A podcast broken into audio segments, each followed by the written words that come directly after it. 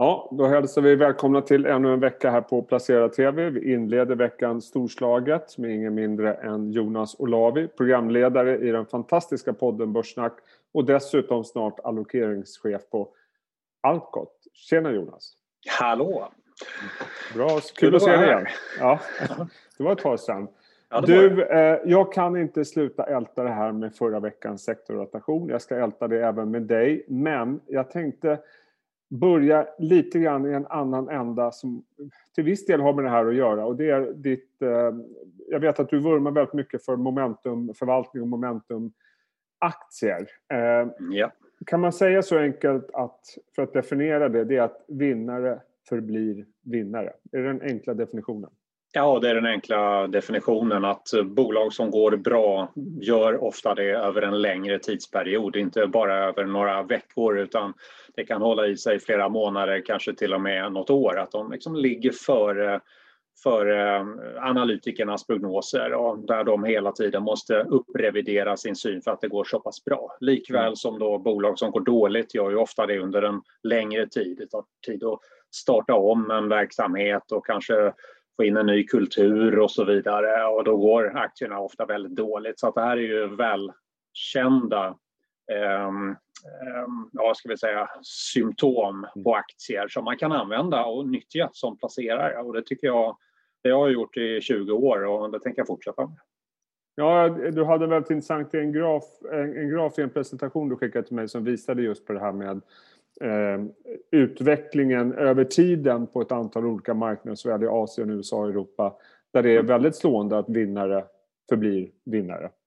Så är det absolut. Eh, och just där som grafen visar så är det här en, en funktion eller eh, liksom ett sätt som funkar över alla marknader, över alla tidsperioder. Sen funkar det inte bra alla gånger, det vill säga bear market så får momentumstrategier ofta mer stryk, eh, mer fallhöjd därför att det är lite högre beta oftast i den typen av aktier.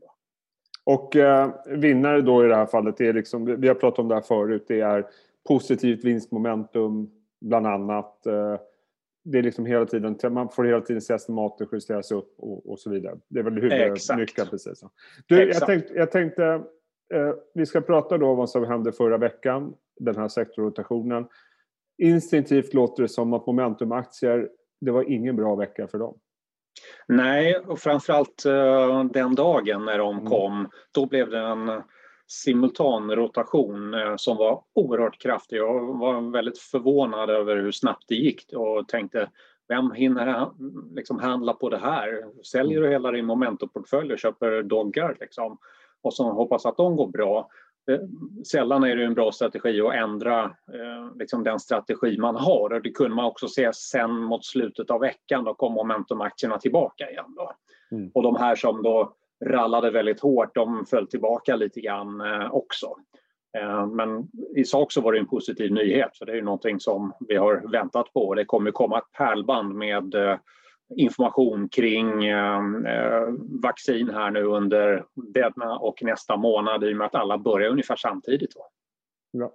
Eh, och det här var ju som du sa, det var den största oh, sektorrotationen på en enskild dag på 30 år om jag har fått eh, informationen rätt. Dessutom så såg vi eh, Bofas senaste rapport som visar att veckoinflödet var också på rekordnivå. Så uppenbarligen så pumpas det in pengar i det här.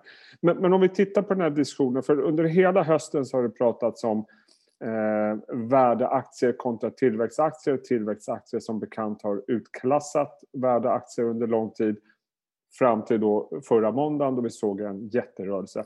Men instinktivt så säger det mig att var inte rörelsen fullständigt rationell egentligen. Alltså kanske inte de här stora tvära kasten men riktningen måste väl ändå varit ganska rationell med tanke på vad ett vaccin kan göra för ekonomin. Ja, absolut. Och marknaden ska ju diskontera framtiden och har vi ett vaccin som kan distribueras eh, en masse under nästa år, det är klart att tillväxten kommer att komma tillbaka samtidigt som det finns stora stödprogram där ute världen över som innebär att det finns väldigt mycket pengar i omlopp och det är klart att det kommer att hjälpa till och driva på när folk då kan börja mötas igen och gå till jobbet och börja producera istället för att sitta hemma i soffan och, och leka att man producerar eller vara på golfbanan för den delen. ja, story of my life, höll jag på att säga. Eh, du, eh, men om vi tittar på en, en typisk liksom, definitionen av liksom, värde och tillväxt. Om vi tittar på till exempel bankaktier som har varit en dog, återhämtat sig lite grann under hösten men inte någon, någon, någon större. Det verkar vara en oerhört bespottad sektor fortfarande. Medan mm. tech, här såg vi den här typiska spreaden. Eh, men, men, finns det någon fundamenta bakom det? Vi, liksom, riktningen är rationell men vi har ju fortfarande en väldigt lång väg att vandra innan ekonomin är återställd, tycker jag i alla fall. Det verkar som. Ja, absolut. Men marknaden ska ju ligga före långt innan saker och ting händer. Att banker ställer upp, det är ju rationellt. Mm. Um, och i tider när, när Fed kör stora QE-program, då tickar långräntorna upp då. Vi har ju sett en brantning av kurvan också, det vill säga långräntorna högre än korträntorna. Och det är ju en miljö som är positiv för banker då som lånar ut eh, långt och eh, lånar in eh, kort. Då. Så eh, det är ju helt klart eh, positivt för dem samtidigt som vi vet att bankerna är billiga generellt sett. Så att, eh, det finns säkert uppsida i bankerna men jag är inte inne och handlar i dem än i alla fall då utan eh, tittar ju fortfarande på de här lite mer tillväxtorienterade aktierna. Men jag ska också tillägga att momentum kan ju komma i behöver inte just bara vara tillväxtbolag, att mm. um, man har liksom en fas i bolaget där de växer kanske 30% årligen, utan det kan även ske i en bank till exempel, um, de här mer traditionella sektorerna. Um, så att man ska skilja lite grann på tillväxt och momentum här tänker jag idag. Men jag förstår att marknaden är väldigt fokuserad på det här tillväxt kontra värdebolag då. Och jag tycker att som vi ändå ser utvecklingen just nu så eh, var den här lite för tidig, den här rotationen. Mm. Så jag säger att det är inte en rotation, det är en impuls. Okay. Och det är skillnad då. Däremot så har vi fått en, ett övningsexempel på vad det kan bli för potentiell rotation. Um, och um, då gäller det att vara med här nu under ehm, liksom senhösten eller vintern här då för att det skulle mycket väl kunna bli den här stora rotationen då i ehm, så att säga, bland tillgångslagen, bland marknader och bland sektorer. Då. Så de gamla vinnarna blir förlorare och de gamla förlorarna blir vinnare då. En sektor som jag spontant tänker på det är fastighetsbolagen där man tänker att ja, men ingen vill gå tillbaka till kontoret. Jo, vi kommer ju gå tillbaka till kontoren och de handlas billigt. Eh, kontorsfastigheter till exempel. Så där är det ju rationellt att tänka på en uppsida. Det tycker jag förvisso också det är i banker men det är för en annan typ av investerare tänker jag. Så, så fastighetssektorn som har varit en riktigt eh, usel avkastning under stora delar av det här året. Det tog lång tid för dem att återhämta sig, kommit in lite grann nu. Kreditmarknaden börjar rulla igång och så vidare. Men när jag tittar på din lista som du hade på olika sektorer, hur de påverkas av fastighetsyndigheten så såg det ut som fastigheter var egentligen den enda sektorn där du såg en välmotiverad rörelse på. För annars mm. var det, som du mer säger, det var kanske mer impulsköp och sälj då. Men fastigheter, där, där känner du att det, det, finns en fundamenta. Även, även eh, eh, eh butikssidan, eller? Ja, mm, där får man ju tro då att vi har ett vaccin. Det kommer ta tid innan eh, folk rör sig mer eh, obehindrat i butikerna och den efterfrågan ökar. Så är det helt klart då. Eh, men jag tycker ändå att om man tar spelbolagen då, gamingbolagen gick ner ganska mycket. Det tyckte jag var omotiverat. Folk spelar fortfarande ganska mycket och med pandemin som ju når nya rekord höjder hela tiden innebär att vi kommer att stänga ner mycket mer än vad vi ser nu. Vi måste få bukt på det här nu. Då. Ja. Um, annars blir det mycket, mycket värre då. Och då kommer ju det påverka bolagen. De här hemmasnickarbolagen, de gick också dåligt. Det tycker jag också var en, liksom en felaktig impuls. Därför jag var på Bauhaus någon dag senare, det är hur mycket folk som helst som vanligt. Liksom. Mm. Folk håller på och snickrar och har sig. Och alla de här bygghemma och de aktierna gick ner kraftigt, så impuls. Men sen har han då hämtat sig då. Så att, um, liksom en impulsrörelse men inte en rotation då. Och eh, frågan är också då hur, eh, hur världen kommer se ut åtminstone i två kvartal till under den här mörka vintern när det sprider sig så mycket. Instinktivt känns det som att makrosiffror och en hel del bolagssiffror kommer försämras under de här två kvartalen. Men det kanske igen då marknaden bortser från för att vaccinet nu finns på horisonten, eller hur tänker du? Ja, men jag vill också tro på det och eh, sen ska man ju ha respekt för att det kommer ta tid innan du och jag får en vaccinshot och tar vi Pfizer-exemplet så är det en komplicerad medicin. Den måste förvaras och transporteras väldigt, väldigt kallt. Um, och uh, det låter sig inte göras hur enkelt som helst. Du måste ta två doser. Det är lite osäkert hur länge du är skyddad sen, uh, men förmodligen ja, några månader åtminstone. Så att det är mycket om och men med de här vaccinen. Um, och samtidigt som då de här pandemisiffrorna går rakt upp i skyn då med nya smittade och um, fler döda. Liksom.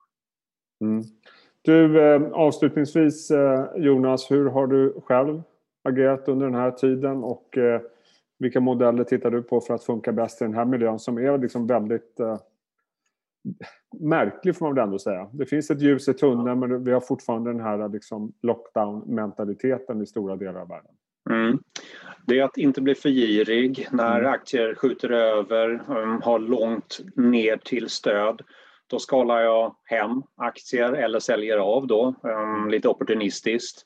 Jag har um, jag tittar på RSI 2 modeller då, RSI 14 eh, och RSI 2, två dagar. Och två dagars um, impulsen ger mig betydligt bättre förståelse för när jag ska vara mer offensiv i marknaden. För tittar jag på ett längre medelvärde så tar det lite längre tid innan jag får den här impulsen och jag blir inte riktigt lika på bettet mm. när vändningarna kommer. Men tittar man på en RSI2-indikator så får du en väldigt bra timingkänsla för när du kan gå på marknaden igen. Då. Och eh, när de kommer ner i botten och blir kraftigt översålda då gäller det att försöka bedöma var någonstans på den här lite större eller längre trenden som aktien befinner sig. Och ofta så hittar man väldigt bra entrylägen när man använder den modellen. Så att det jobbar jag väldigt mycket nu då. Skala på det som går väldigt starkt, försök komma in nära stöden och eh, gå på i den rörelsen då. Och RSI2, då får du motsatt, det går en väldigt snabb impulsrörelse upp då. Har, när den toppar och blir överköpt, är det läge att sälja eller inte? För då har ju aktien oftast inte hunnit så pass mycket. Momentum-aktier däremot har ju lite mer flex då, de har mer beta i sig så att då hinner aktien accelerera då och mm. kanske kan göra en 5 till 10% på relativt kort eh, tidsrymd och då kanske det är läge att skala igen då så att jag har försökt förfina det här entry och exit-läget under den här perioden. Då, är det några aktier eller sektorer som du håller ett extra öga på just nu? Det är um, hemmasnickarbolagen som jag tycker är intressanta. Ehm, jag tycker att gamingbolagen också är intressanta. Ehm, fastighetsbolagen håller jag också ett ehm, öga på då. Sen får man ta de nyheter som kommer lite pö om pö där och utnyttja när det kommer rekommendationsförändringar och så. Då kan man få ganska starka impulser i en del bolag, särskilt om det är de större analyshusen som kommer med eh, rekommendationerna. Så det mm. finns eh, något för alla i den här miljön tycker jag. Vad härligt. Eh, väldigt intressant. Eh, kul att snacka med dig igen Jonas. Och lycka till med nya jobbet. Eh, vi tackar, tar ett snack tackar. efter det tycker jag. Och eloge till tavlan bakom dig. Det tror jag är den bästa för den här säsongen hittills. Grymt, tack.